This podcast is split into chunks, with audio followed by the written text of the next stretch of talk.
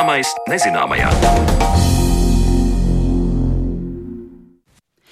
Esiet sveicināti nu jau februāra iesākumā. Šī ir raidījumam zināmais nezināmajā atvēlētā stunda, un tajā ar jums kopā Mariona Baltkalne, raidījuma producente ir Paula Gulbīnska.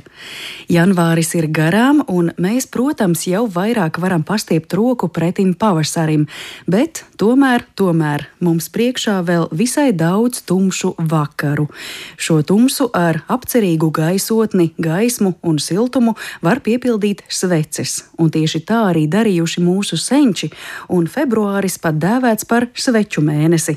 Savukārt 2. februāris tiek saukts par sveču dienu, tāpēc sagaidot šo dienu, arī mēs raidījumā runāsim par svecēm, siltumu un gaismu.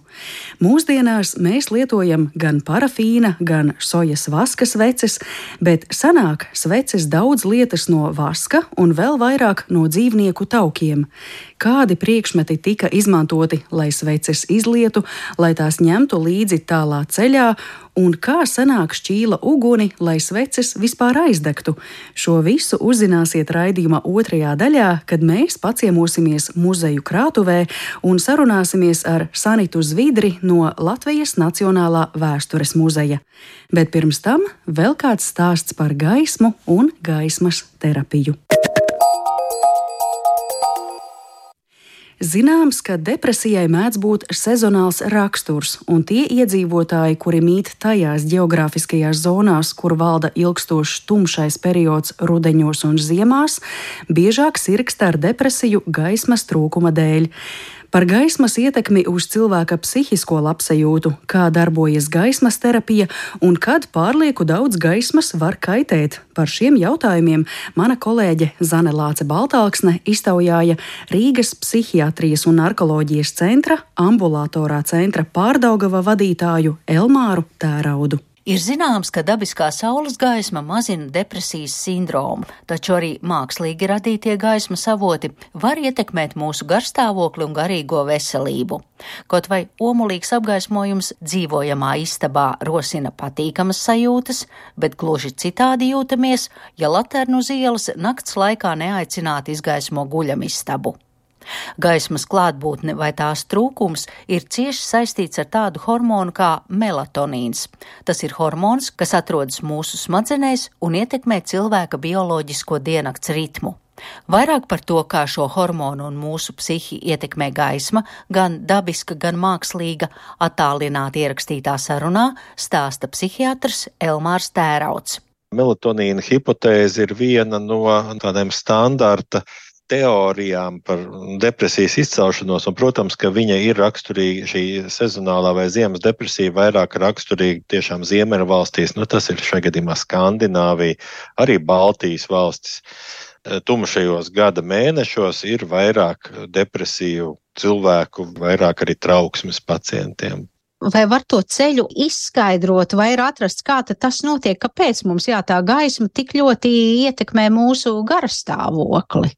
Jo varētu jau šķist, nu, ja cilvēks ir vai tur siltumā, vai labi paēdis, vai viņam nav stresa un visādi citādi, kāpēc tai gaismai tāda tā ietekme ir. Nu, viens no skaidrojumiem ir tas, ka gaisma, līdzīgi kā varbūt arī temperatūra, arī mūsu ikdienas fiziskās aktivitātes, varētu lietot vārdu sinhronizē vai sakārto mūsu diennakts nomoda miega ciklu, jeb šos cirkādiskos ritmus. Un, ja šai regulācija tiek ietekmēta vai, vai izjaukta, tad caur acīm, caur tīkleni, tālāk jau uz smadzeņu vidus struktūrām Tur tiek izjaukta nu, mūsu iekšējā pulksteņa regulācija. Tur ir regulētāji hormoni, šajā gadījumā ir melatonīns, kas mums visiem sintēzējas smadzenēs. Nu, ja šis melatonīns neizstrādājās pietiekami regulāri, tad parādās miega traucējumi, parādās trauksmes simptomi, parādās nomāktība. Vai var runāt par eh, kādiem mentāliem traucējumiem, kur šai gaismai ir ļoti izšķiroša nozīme? Ir citu pētījumi par to, ka cilvēkam nonākot ilgstošā tumsā, ja alu pētnieki, speleologi un arī apcietinājumi vietās esošie, ka tur ir specifiski psihiski traucējumi, sākās halucinācijas, bet kas attiecās jau par šo sezonālo depresiju, nu tad pats vārds jau pasaka, ka šiem cilvēkiem ir biežāk miegainība, enerģijas trūkums, apātiskums, nespēks. Un, un, un tad pamazām jau tas veido tādu depresijas kopskatu. Gaismas terapija, ko sauc arī par fototerapiju vai spilgtas gaismas terapiju, tiek izmantota gan ādas slimību ārstēšanā, gan arī garīgu traucējumu terapijā. Kā teica psihiatrs Elmārs Tērauds, tad nereti vien, ja runa ir par jau minēto depresiju, reizēm tās mazināšanai pietiek arī ar parastām veikalā nopirktām elektriskajām spuldzēm. Depresijas ārstēšanā gaismas terapija ir viena uh, no bioloģiskiem ārstēšanas veidiem joprojām. Vai mēs viņu izmantojam tik bieži, kā vajadzētu? Iespējams, ka nē. Un šeit gan ir liela atšķirība starp šo solāriju apmeklējumiem, jo tur ir cits gaismas viļņu garums, un tas nav gluži tas, kas ir vajadzīgs. Bet tur, kur ir gaismas terapija jau depresijas ārstēšanā, tur ir noteikta spektra gaisma, nu, kas ir no kādi 3 līdz 10 tūkstoši luksi. Šī gaisma ir, un šī spilgtā gaisma ir nu, visiedarbīgākā. Un ir arī tādas speciālas lampas, ko var sadzīves preču veikalos pat nopirkt kā gaismas terapijas lampas, bet varbūt, reizēm tāds sadzīvēm mēs varam izmantot arī šīs dienas gaismas lampas, kas ir pietiekami spilgtas un viņu šis viļņu garums ir nu, apmēram atbilstošs tam. Tas nozīmē, to, ka ziemā būtu vajadzīgs, ka šī spilgtā, baltā gaisma ir pietiekamā daudzumā, pietiekami ilgi arī darba vietās. Un, protams, ka reizēm, reizēm mēs tiešām domājam, ka gaismas terapija notiek solārijos un caur rādu, bet nē, šai gadījumā gaismas ietekme notiek caur acīm. Atrodoties gaišā telpā, nodarbojoties ar kaut kādām varbūt ikdienas lietām es domāju, ka sadzīvē var patiešām izmantot dienas gaismas lampas, kas ir šīs luminiscējošās. Turpat varbūt speciālu lampu nevajag iegādāties.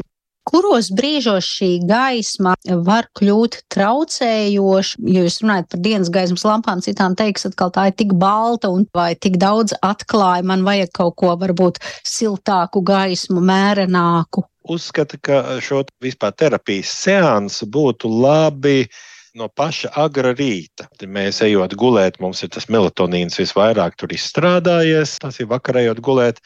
Tad nu, viņš kādas astoņas stundas tur darbojās, mums regulē miegu, un no rīta, pašā rīta agrumā, jau ir, nu, varbūt ierodoties darbā vai mājās, mums vajadzētu šo pusstundu atrasties nu, tādā spilgtākā gaismā kā parasti. Bet te nu gan ir jāsaka, ka gaisma reizēm var spēlēt arī negatīvu lomu, jo nu, ir jau arī no agrākiem laikiem informācija par to, ka ilgstoša atrašanās ļoti spilgtā gaismā var būt arī cilvēkam bīstama un pat ir izmantot arī kā varbūt nu, nelabvēlīgi ietekmējošs faktors. Nu, tas nav tik varbūt vienkārši, ja tā kā nu, visam būtu jābūt zināmā līdzsvarā. Un visu dienu mums nevajag atrasties tādā baltā, spilgtā telpā un spilgtā gaismā. Tas varētu arī būt faktors, kas pastiprina trauksmi, koncentrēšanās grūtības vai, arī to pašu garastāvokli.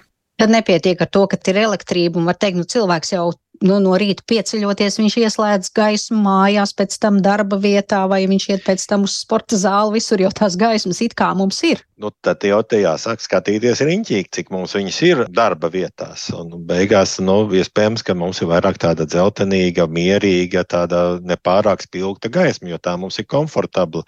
Nu, te mums vajadzētu tādu spilgtu, nu, baltu, vēsi baltu gaismu. Tā ir tā nepieciešamā, bet, kā jau jūs arī teicāt, ja par daudz tās spilgtās gaismas, ka tā var radīt nemieru cilvēku. Jā, jā, jā bet, bet tas ir mm. šis nu, nosacītais seans, nu, viņš, mm -hmm. ir, mhm. viņš ir kaut kur nu, 20 minūtes, pusstundu, stundu, un tad varbūt to intensitāti vajag samazināt ikdienā. Bet nu, tur jau sākās jau jautājums par to, cik mums vispār ir darba vietās jābūt spilgtam apgaismojumam, lai tas būtu pietiekams acīm un varbūt nenogurdinošs arī nu, kopumā dienas laikā. Nu, te, tā kā tā pārējā laikā vajadzētu būt tāda komforta gaisma, jāapmierinās, ka mums nevajag visu laiku prožektoru gaismā dzīvot. Tad es saprotu, viss nav tik ļoti vienkārši. Mēs sakām, jā, cilvēki, kur dzīvo dienvidos, ir optimistiskāki, bet tas, ka cilvēks visu dienu atrodas saules gaismā, tas nebūtu nenozīmē, ka viņš uzreiz būs dzīves priecīgāks un viņam varbūt nebūs šī depresija. Zinat, nu, laikam Šādu pētījumu ir pietiekami arī daudz, un, un skaidrs, ka tur, kur ir tuvāk ekvatoram, tur patiesībā depresīvo traucējumu ir mazāk. Tur no garastāvokļa traucējumiem biežāk tiek rakstīts, ka būt, ir pat tā sauktie bipolārie traucējumi, kur ir nu, vairāk pacelāti garastāvokļa periodi, nu, tādi depresīvie periodi. Nu, arī viņiem ir tādi ziemas periodi, bet katrā ziņā pārsvarā ir paaugstināti garastāvokļa periodi. Bet es domāju, ka cilvēki, kas dzīvo šais teritorijās un platumgrādos, es domāju, ka viņi adaptējās un ģenētiski adaptējās eh, pie noteikti saules gaismas intensitātes un ilguma. Bet, ja mēs nokļūstam vidē, telpā, kur mēs nevaram iespējot šo ārkārtīgi spilgto gaismu kaut kādās situācijās, nu, tas var būt arī traucējoši. Lai arī kurā pasaules malā cilvēks dzīvotu, tomēr celties un iet gulēt kopā ar sauli reti, kad izdodas visa gada garumā. Un primārais ir mūsu katra diennakts režīms un tas, cik viegli vai grūti mēs tam piemērojamies. Par cikliskumu, kas saistīts ne tikai ar gaismu, bet arī ar citiem faktoriem, šo sarunu noslēdz Rīgas psihiatrijas un narkoloģijas centra ambulatorā centra pārdaugava vadītājs Elmārs Tērauts. Varbūt var runāt arī par to, ka vispār mums ir dažādi cikli, kuriem ir jābūt noteiktā regulācijā. Un tie ir diennakts nomoda miega cikli, tie ir mēneša cikli, ko vairāk sievietēm novēro, tie ir gada cikli. Un, ja mums ir šie cikli zināmā kārtībā, tad mums arī ir mazāk riska dažādiem psihiskiem traucējumiem un arī dažādiem somatiskiem traucējumiem.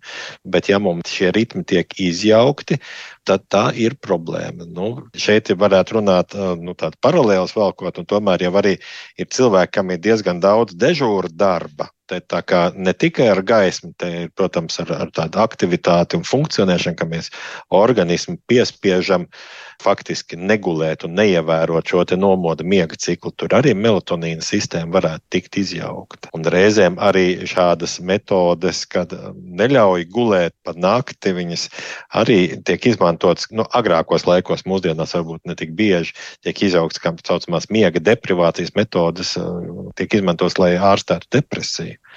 Tas nav tikai par gaismu, bet tas ir par šiem cikliem. Ja tie tiek izjaukti, var nelabvēlīgi ietekmēt ilgtermiņā mūsu veselību kopumā.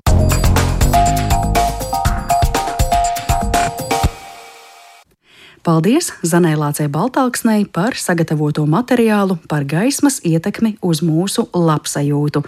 Šo labsajūtu noteikti var radīt arī sveces, un sveču stāsts raidījuma turpinājumā pēc brīža.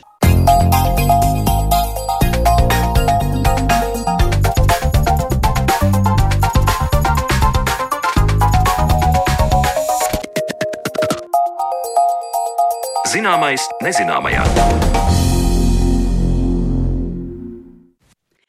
2. februāris ir sveču diena, ko izsenis latvieši aizvadījuši lielās gavilēs un priekos. Šajā dienā esot vajadzīgs daudz tērēt un baudīt, lai nākamais gads ir bagāts un laimīgs. Arī visu februāri latvieši dēvējuši par sveču mēnesi, un arī citās tautās šo dienu svin kā pāreju no tumšā laika uz priecīgu un jau rosīgāku gada posmu. Un centrālais simbols šai dienai un mēnesim ir svece. Tā sniedz gaismu, siltumu, telpā rada patīkamu aromātu un jauku atmosfēru. Bet mūsdienu ģeopolitiskajā situācijā svece ir savā ziņā kļuvusi par drošības un atbalsta rīku, un, kā zināms, Latvijā aktīvi tiek lietas ierakumu sveces, ko sūtīt Ukrainas karavīriem. Par svecēm, to tapšanas vēsturi, materiāliem un nozīmi šodien plašāks stāsts mūsu raidījuma turpinājumā, un par to visu uz sarunu tiekamies ar Latvijas Nacionālā vēstures muzeja etnogrāfijas nodaļas vadītāju Sanitu Zvidri. Labdien, Sanita! Labdien! Mēs esam satikušās muzeju krātuvē Rīgā, tādā īpašā vietā, kur visus labumus par svecēm, svečturiem un ne to vien, arī ļoti daudz ko citu var redzēt klātienē. Mūsu sarunā kaut kas mazliet ienāks no folkloras un kaut kas arī no zinātniskās un praktiskās puses saistībā ar svecēm. Es pieminēju sveču dienu, kam latviešu folklorā ir ļoti būtiska vieta, ir ļoti dažādi ticējumi par to, kas ir jādara sveču dienā, un kā laikapstākļi sveču dienā palīdzētu paredzēt tālāko ziemu. Kas ir zināms par to, kad šāda sveču diena vispār parādās, kā svinama diena, cik tā ir tiešām tāda tautas tradīcija vai kristīga tradīcija? Es varu minēt, ka uh, sveču diena ir ienākusi no baznīcas tradīcijas, jo baznīcas tradīcijā svin sveču dienu, kur svece simbolizē Kristu kā gaismu, kā mūžīgo gaismu, kā cerību un prieka zīmi. Un arī sveces aizdedzina visos dievkalpojumos un pie ikonām, un arī bērnu tradīcijā un kristību reizē kāzās arī, kas simbolizē dievišķā klātbūtni nu, šajā zemes cilvēka dzīvēm. Es pieļauju, ka tas ir līdzīgi kā ar eh, daudziem citiem tematiem, kas arī ir ienākuši mūsu raidījumā, ka tas tautiskais un kristīgais vienā brīdī sāk pārklāties, miedarboties, jo mēs esam runājuši par abedīšanas tradīcijām, kur vienu brīdi tu sāc domāt, paga tā ir tautas tradīcija vai tā ir kristīgā, visas kapu tradīcijas un tā tālāk. Un, jā, arī sveču dienas gadījumā te varētu strīdēties. 2. februāris ir ļoti skaidrs datums kalendārā, tad varbūt drīzāk kristīgais, vai ne? Bet ticējumi un folklora šķiet ir ļoti bagāti saistībā ar sveču dienu. Jā, un interesanti arī, ka tā sveču liešana vairāk saistās ar rudeni. Ir, protams, ticējums, ka labākas sveces sanāk februārī lietas, bet nu, tad jau gaismas kļūst vairāk, tad jau tās sveces ir mazāk uh, vajadzīgas.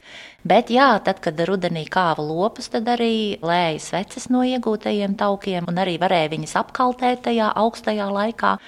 Es izlasīju vienu interesantu ticējumu, ka sievietēm nevajagot strādāt sveču dienā. Tā kā mums būs brīvdiena, vajadzētu būt brīvdienai. Bet eh, tas, ko jūs jau minējāt par kristīgajām un baznīcas tradīcijām, ir arī kāds teiksim, tā, atskaites punkts, kad svece kļūst par simbolu, piemēram, tādās bēru tradīcijās, mirušo piemiņai, kas tagad mums ir pašsaprotami. Ir ziņas, ka uh, sveces un lampas dievkalpojuma vai misijas laikā aizdedz jau apstuļu laikā. Tā kā tie ir paši pirmie mūsu ēras gadsimti, kad jau ir zināms, ka šīs sveces kā Kristus gaisma tiek izmantota liturģijā. Tas par baznīcu ceremonijām, bet droši vien, ja mēs runātu par sveču pirmsākumiem, tā izcelšanās būtu vēl senāka. Jā, vai tas arī iezīmējas, kur, kad, vai svecēm ir sava dzimtene? Es domāju, ka visās zemēs, kurās cilvēki kāva lopus, izmantoja tos pārtikai, tad ieguva arī taukus. Un, uh, apstrādājot tos, saprata, ka viņus var izkausēt, un pēc tam viņi atkal sastingst. Tad uh, empiriskā ceļā, es domāju, nu, pie šīs prasmes nonāca vairākās vietās vienlaicīgi varbūt. Nu, ja mēs tā no teritoriālā principa skatāmies, tad noteikti Ziemeļzemēs šīs sveces izgatavoja vēlāk, jo tīri praktiski arī tur cilvēki uz dzīvi apmetās daudz vēlāk, jo tās bija ilgāk klātas ar ledu, un kad šīs ledus atkāpās, tad arī cilvēki varēja ienākt nu, ar visām savām prasmēm, sveču liešanā un izmantošanā. Nu, un, protams, tās pirmās ziņas par sveču izmantošanu un darināšanu nāk no Ēģiptes. Arī ir ziņas, ka romieši ir pirmie, kas sveces sāk izliet no vaska. Tā kā nu, siltās zemes, kur radusies mūsu kultūra, tur arī ir šīs pirmās pazīmes par sveču lietošanu un izgatavošanu. Ja mēs runājam par sveču dienu, tad eh, ticējums vēstīja, ka šajā dienā latvieši lēja sveces no aitu taukiem vai vaska. Par tām pirmajām svecēm, vai tās, kādas tās bija toreiz, būtiski atšķiras piemēram no pašreizējiem materiāliem, un vai varam redzēt, ka sveču evolūcija un kvalitāte ir gājusi uz priekšu viennozīmīgi ir gājusi uz priekšu, jo tagad jau sveces izgatavo rūpnieciski. 19. gadsimtā, ja mēs runājam par mūsdienu Latvijas teritoriju, tad sveču liešana bija roku darbs. Un, protams, viņas nebija tik perfektas un gludas un ilgi degošas. Bieži vien bija vajadzīgas prasmes, lai svece nekūpētu, lai viņa nesprakštētu, lai viņa nenotecētu, lai nepaliktu augstas malas. Tad nu, tam visam vajadzēja pieredzi un prasmi un zināšanas, lai to izgatavotu. Lūk, un te arī jautājums, ja mēs tagad pakavējamies pie Latvijas teritorijas, kuri tad bija tie cilvēki, kuriem bija prasmes, sveces lietu, un kuri tās patērēja? Nu, ja jūs minējāt, ka ir ticējums, ka uh, sveču dienā sievietēm nevajag strādāt, tad man ir atkal citas zināšanas, kad uh, sveces lēja sievietes. Jā, un patērēja visi, kuriem bija tāda vajadzība. Jo, principā, ja mēs runājam par telpu apgaismošanu ziemā un iedomājamies, ka tagad mēs ieslēdzam vienkārši elektrības spuldzīti un mums ir viss gaišs, tad agrāk tā nebija līdz pat 19. gadsimta beigām, 20. gadsimta sākumā, kad Latvijā nu, parādās pirmie gāzes apgaismes ķermeņi, kurus nu, var pielīdzināt elektriskajam apgaismojumam. Tad līdz tam laikam zemnieku dzīvojamās mājas un arī saimnieciskās ēkas tika apgaismotas nu, pašdarinātiem līdzekļiem. Un galvenais no tiem bija skals, kurus rudenī vai ziemā saplēsa mazos koka gabaliņos, tad iestiprināja skalturos, un kamēr viņš dega, tikmēr arī tā telpa bija apgaismota. Nu, tas apgaismojums bija daudz mazāks nekā mēs varam iedomāties tagad, bet nu, bija pietiekami nu, vismaz kaut kāda gaisma, lai varētu darīt ziemā tumšajos vakaros arī kādus darbus, aust, vērpt, adīt vai labot kādus nu, saimniecībā nepieciešamus darba rīkus un citas lietas. Un viens no apgaismes līdzekļiem bija arī sveces.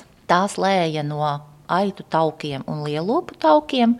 No lielopu taukiem lietās sveces bija dzeltenas, savukārt no aitu taukiem lietās sveces bija baltas. Un, um, tad tur bija īpaši arī priekšmeti, kurus tam izmantoja. Tāda sveču lejamā lāde, kura bija vienkoka trauks, izgrebts. Nu, mums muzejā šeit ir arī uz galda. Mēs abas uz to skatāmies. Ir ar gada skaitli 1816. Kāds ir iegrebis, nu, lāde ir iespaidīga, Tā ir apmēram 40 cm gara, 30 cm dziļa un no apmēram 8 līdz 10 cm platumā.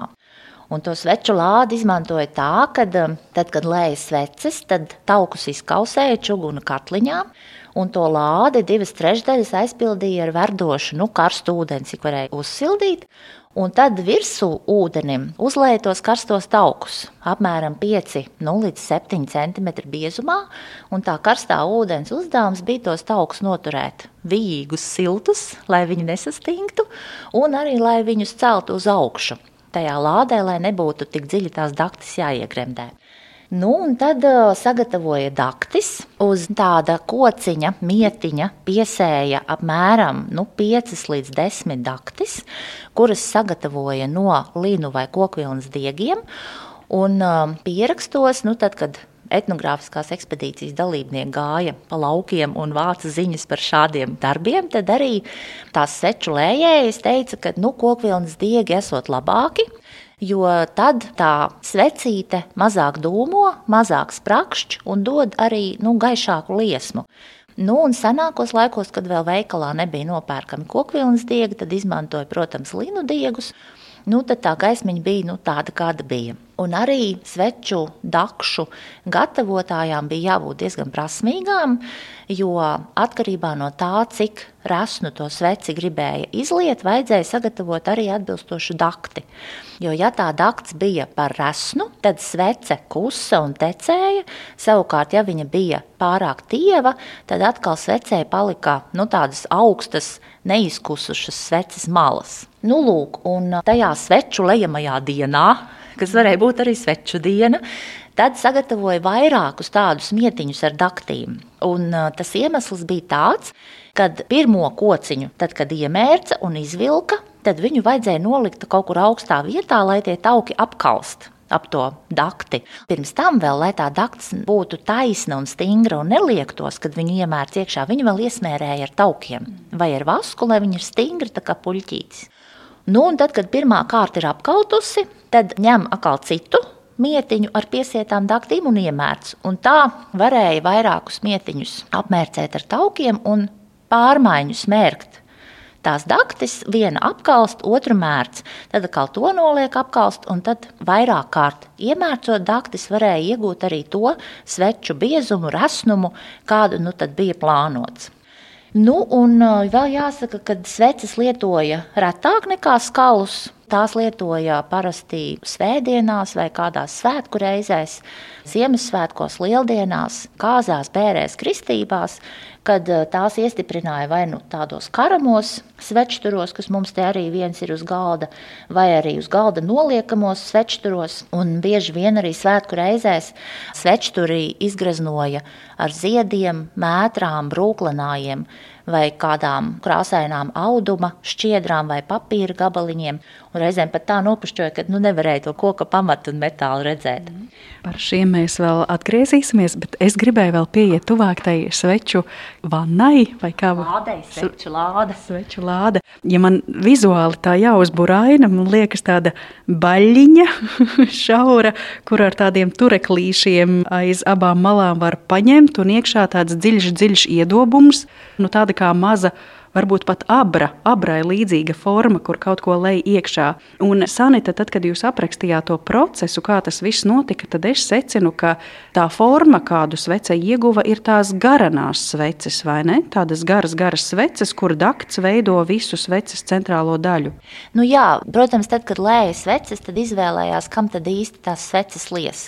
Ja tas bija domāts svečturiem, tad tās daktis taisīja nu, 20 līdz 30 cm garumā, un tad tās bija paredzētas svečturiem. Ja, piemēram, viņas bija plānotas arī ņemt līdzi, jo sveces bija ērtākas par skalu, ja bija kaut kur jāpārvietojas, vai nu jāaiziet uz kūti, šķūni vai klēti, vai tur kaut kas jāpaņem, tad bija ērtāk paņemt sveci lukturī Un tad, attiecīgi, viņu arī lēja zemāku, jo lukturī negāja tik gara svece. Vai arī, piemēram, ja devās tālākā ceļā, tad arī sveces ņēma līdzi, un tad tās bija jāsaliek nu, speciālā sveču lādītē vai penālītī, un tad tur arī bija īsākas svecītes. Nu, ir ziņas, ka ir lietas arī eglīšu svecītes, tad tās ir vēl īsākas. Nu, tad to dakti arī to resnumu un garumu pielāgoja tam, kam tad to sveci lej. Mm -hmm. Un tagad man radās jautājums. Mēs eh, runājam par 18. un 19. gadsimtu. Šeit uz tās sveču lādes arī ir iegrabtais gads, 1816. Bet tajā pašā laikā šie materiāli, vasks, dzīvnieku tauki, tas taču it kā viss bija pieejams arī pirms 18. gadsimta. Mēs zinām, ka viduslaikos vasks bija būtisks tirzniecības priekšmets un dzīvnieku tauki. Kāpēc tikai nu, 18. un 19. gadsimtā tāda sveču tehnoloģija vismaz Latvijas teritorijā attīstās? Es neteiktu, ka varbūt attīstās, bet mums ir vairāk ziņas pieejamas. Jo, piemēram, par Latvijas tradicionālo kultūru ziņas sāka vākt 19. gadsimta beigās, bet nu, tā ziņu vākšanas tehnoloģija vēl nebija nu, tik ļoti atstrādāta un tā prakse nebija vēl pielietota. Un 19. gadsimta vidū vāktās ziņas mums ir ļoti maz, vairāk ir priekšmeti. Tad 20. Eh, gadsimta sākumā, kad nodibina pirmo kultūras pieminiektu aizsardzības institūciju, pieminiektu valdi, tad viņa no 24. līdz 30. gadu beigām katru vasaru rīko etnogrāfiskās ekspedīcijas, ir izstrādāts vairāk nekā 77 instrukcijas un tēmas, par kurām materiālus vākt, un viena no tām ir arī sveču liešana. Un tad dodas cilvēku uz laukiem un intervē pārsvarā vecākos cilvēkus, kuriem ir 60, plus, 80, 90 gadi. Un, ko tad tie cilvēki var pastāstīt? Viņi var pastāstīt par savu šodienu, par savu bērnību, par to, ko viņi ir dzirdējuši no vecākiem un vecvecākiem. Tātad to ziņu iegūtais vecums mēs varam datēt ar 19. gadsimta vidu, 19. gadsimta sākumu. Nu, varbūt vēl priekšmeti ir no 18. gadsimta beigām, bet nu, tās mutiskās ziņas par prasmēm, tradīcijām mums ir nu, no šī laika. Tāpēc mēs arī atsaucamies uz to 19. gadsimtu, bet spriežot pēc šī 19. gadsimta dzīves prakses, mēs varam spriest arī par pārējiem iepriekšējiem gadsimtiem, kad jau nu daudz tā tradicionālā dzīve nav atšķīrusies. Šāda sveču lāde tā varēja būt eh, ikvienā zemnieka mājā, vai tas tomēr bija tāds retums, kas ne katram piederēja? Nu, es domāju, ka tas ir katrā mājā. Bez tam arī tas, kas nu, šos koka priekšmetus, kas bija nepieciešami saimniecībā un darbu veikšanā, katrs darināja pats. Jo nu, reti kad pasūtīja kaut ko kalējam, piemēram, vai māla podus nopirka tirgu, vai pie ceļojošā ebreja tirgotāja kādu zīdu lakatiņu. Bet viss pārējais, kas bija cilvēkam mugurā, no vilnas darināti brunči un jakas, un no līna šūti krekli austi, un arī arkli un šī pati sveča lāde, viss, kas darināts no koka, bija pašu rokām. Un uh, bija pat tāds teiciens, ka uh, labs saimnieks ir tāds, kurš uh, no rīta ieiet ar cirvi mežā un vakarā iznāk ar ratiem ārā. Tad viņam bija jāprot pilnīgi viss, gan saremontēt, gan izgatavot. Tā kā šī pati lāde arī ir pašu grepta, no viena koka, līdzīgi kā karotes greba, tā izgreba arī šāda sveču lāde. Bet mēs te pirmīt smējāmies par tām sievietēm, kurām vajag vai nu brīvdienu sveču dienām, vai kurām tomēr jālai sveces. Bet tās sveču lējējas bija vienkārši nu, lauku māju sievas, kuras to darīja, vai tās tomēr bija amatam meistares pilsētā, pie kurām kāds pasūtīja sveces. Iespējams, jau abējādi. Droši vien jau arī bija sveču meistars, par kurām man ir mazāk ziņu. Man vairāk ziņu ir par tām pašām sievietēm, kuras ir savai mājas vajadzībai arī pašas lejas sveces, arī pašas vāra ziepes, kuras lieto veļas mazgāšanā. Nu, tā kā arī sievietēm daudz prasmju bija vajadzīgs. Un vēl iedomājos, mēdz teikt, ka svece tomēr bija kaut kas dārgs vai svece bija tāds ekskluzīvs priekšmets, varbūt arī turības simbols. Tā ir dzirdēts, bet tajā pašā laikā, ja to darīja laukumājās, varbūt tā arī nebija. Es domāju, ka zināmā mērā jā, jo nevelti ir ziņas, ka vairāk lieto skalus telpu apgaismošanai. Jo tā turība varbūt rāda to, ka vairāk bija to tauku, vairāk bija lopu nokauto, vairāk tauku un vairāk tās sveces varēja lietot. Un ja viņas ir vairāk, tad viņas nu, var lietot biežāk. Viņas var lietot ne tikai svētkos, ne tikai svētdienā, bet arī ikdienā. Bet, ja tam cilvēciņam ir mazāk naudas, mazāk lopu, līdz ar to viņš iegūst arī mazāk tauku, no kura izliet tos svecīti. Tad viņš ar viņu rīkojas taupīgi, jo viņš zina, ka viņam ir tik, cik ir. Viņš viņu taupīs kaut kur pa ceļam, ejot uz lieliem svētkiem, bet nelietos to ikdienā. Tā kā es domāju, ka tas ir ļoti tuvu patiesībai. Un tad pavisam turīgiem ir svecītes gan no dzīvnieku taukiem, gan bišu vaska. Ja? Nu, jā, tā ir. Jo bišu vasks arī bija dārga prece, ko varēja pārdot. Tad labāk varbūt izvēlējās lietas veces no dzīvnieku taukiem un to vasku realizēt par naudu, ko pēc tam var atkal izlietot citām vajadzībām. Bet, protams, jā, vaskas sveces arī, lai no vaska, jā, es domāju, tādā pašā ceļā. Mm. Un tad, piemēram, varbūt šīs izlietās sveces atkal varēja kalpot uh, kā ienākumu avots, kādam tās varēja tirgot. Jā, pilnīgi noteikti. Jo, ja viņas izlēja vairāk, tad viņas varēja vest uz tirgiem un pārdot. Labi, mums šeit uh, līdzās sveču lādei ir vēl tie sveču turīši, kurus jūs jau pieminējāt. Varbūt varat paraksturot tās atšķirības, jo te mums ir tādi, kuros var iestiprināt vienu svecīti, Un tad ir tāds liels tureklis ar četriem zariem uz katru pusi. Tur izskatās, var kaut ko vairāk iestiprināt. Jā, nu tas četru žuburu svečturis, tas ir grieztos karams svečturis, un, protams, to lietoja lielos svētkos, izgraznotu īpaši, un tad katrā šajā zarā varēja iestiprināt pa vienai svecei, un tad vienlaicīgi dega ne tikai viena svece, bet veselas četras. Nu, tad gaismas bija vairāk, tātad godi lielāki, svečturis bija izgraznots un varēja svinēt. Vēl jau, protams, ir zināmi uh, lielie svečturi, tādi, kuros varēja salikt uh, desmit un uh, vairāk sveces. Lielie latgales keramikas svečturi, kuros ir daudz un dikti kaut kas saliekams kopā. Ir, ir krājumā tie gan svečturi mums ir iegūti 20. gadsimta vidū, braucot ekspedīcijās pie podniekiem uz cepļiem, uz cepļu atvēršanu, nu un tad muzejam bija vairāk naudiņas, tad varēja iepirkt arī šos priekšmetus krājumus krājumam, un jā, viņi mums joprojām ir saglabājušies. Un tas jau ir tāda 20. gadsimta parādība, kad uh, varēja tādā lielā svečturī salikt lielos godos arī nu, vairāk sveces. Un šis metāla priekšmets ar tādām divām kājiņām. Tā ir modernāka laika, nu, 20. gadsimta sākuma, arī tāda sveču lejamā formiņa, kur arī tāpat kā lādei taisīja dakšu piesienamo kociņu. Uz kociņa piesēja daktis, tieši tāpat kā mēs runājām, kad mēs izmantojam sveču lēmo lādi. Un šeit vienkārši ir formiņa, kurā jau ielēja tos taukus. Viņus nemērca vairāk kārtīgi, bet iekāra dakti un ielēja visu tauku daudzumu, nu, kas tai sveces biezumam bija nepieciešams. Tad viņu izlika kaut kur vēsākā vietā sastingt, un pēc tam, kad viņas tās sveces vajadzēja dabūt ārā no tās formas, tad vienkārši iemērca karstā ūdenī, tie tauki no tām sieniņām atlaidās, un tad to svecīt varēja izņemt ārā. Un tās pašu lietās secītas arī nebija tik perfekti gludas, tās maliņas, tā kā mēs tagad veikalos varam nopirkt.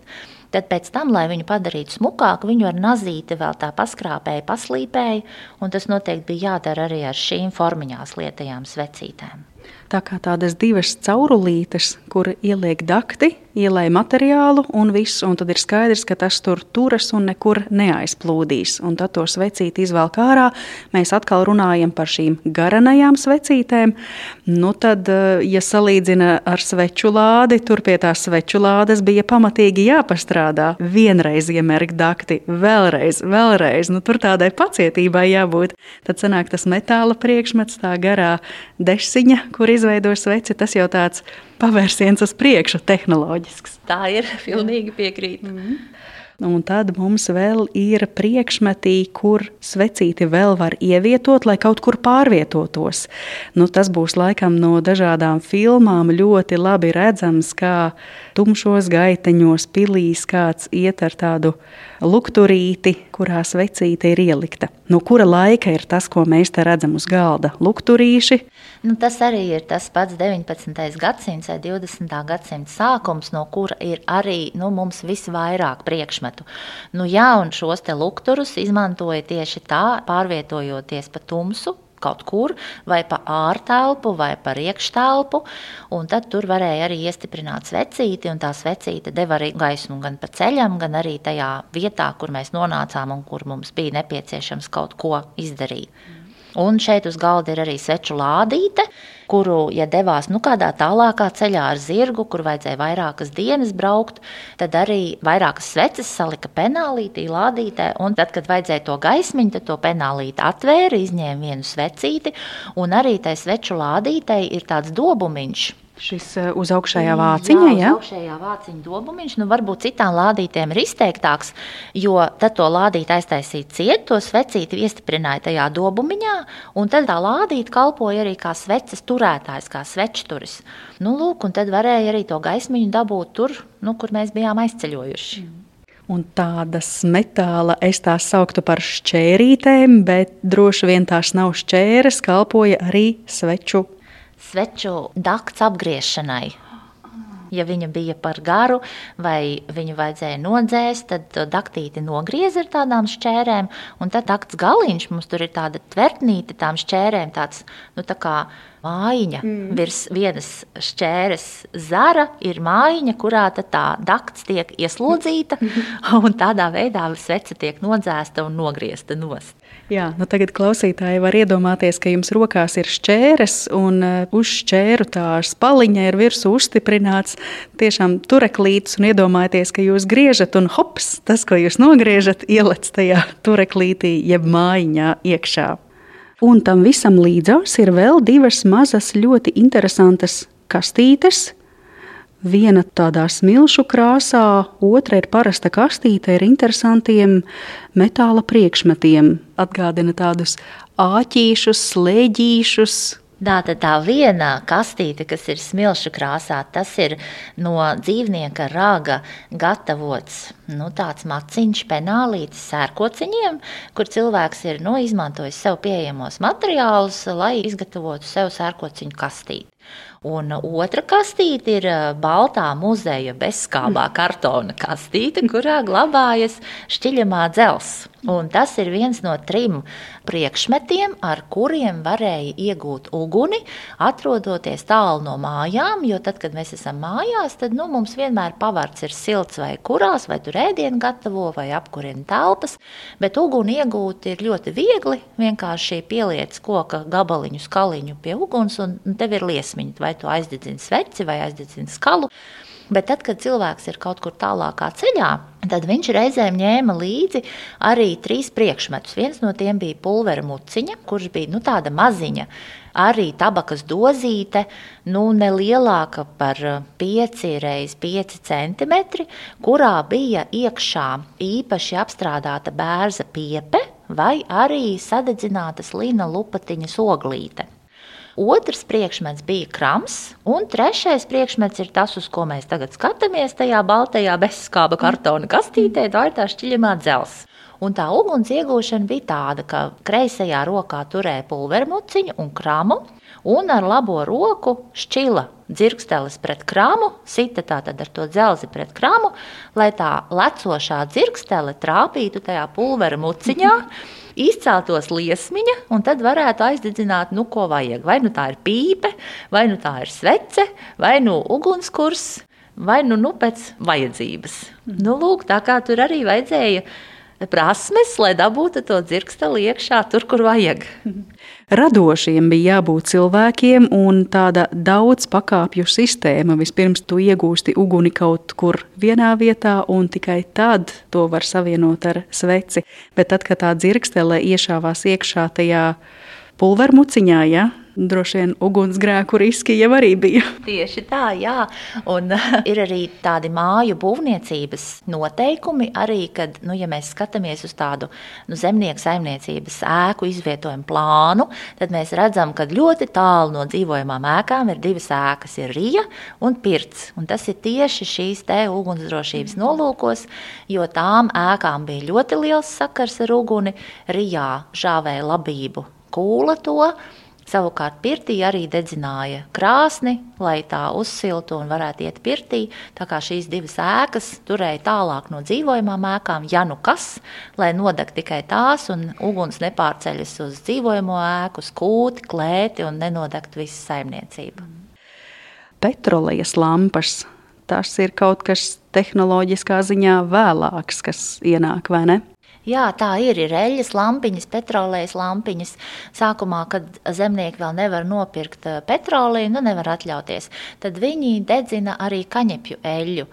Kaņepes viņi paši audzē, izkuļ, izspiež no sēkliņām eļļu un tad to lieto kā apgaismošanas līdzekli.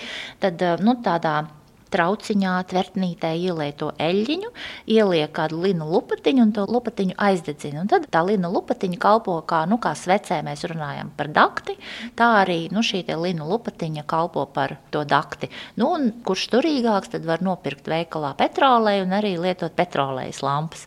Nu, un tad jau vēlākā laikā viņas tiek gatavotas dekoratīvas, augstas ar lieliem stikla kupoliem. Nu, tas jau ir 20. gadsimta sākums. Mm. Par sveču funkcijām, protams, protams, liekas tā pašsaprotami, siltums, gaisma, jā, tas viss ir vajadzīgs.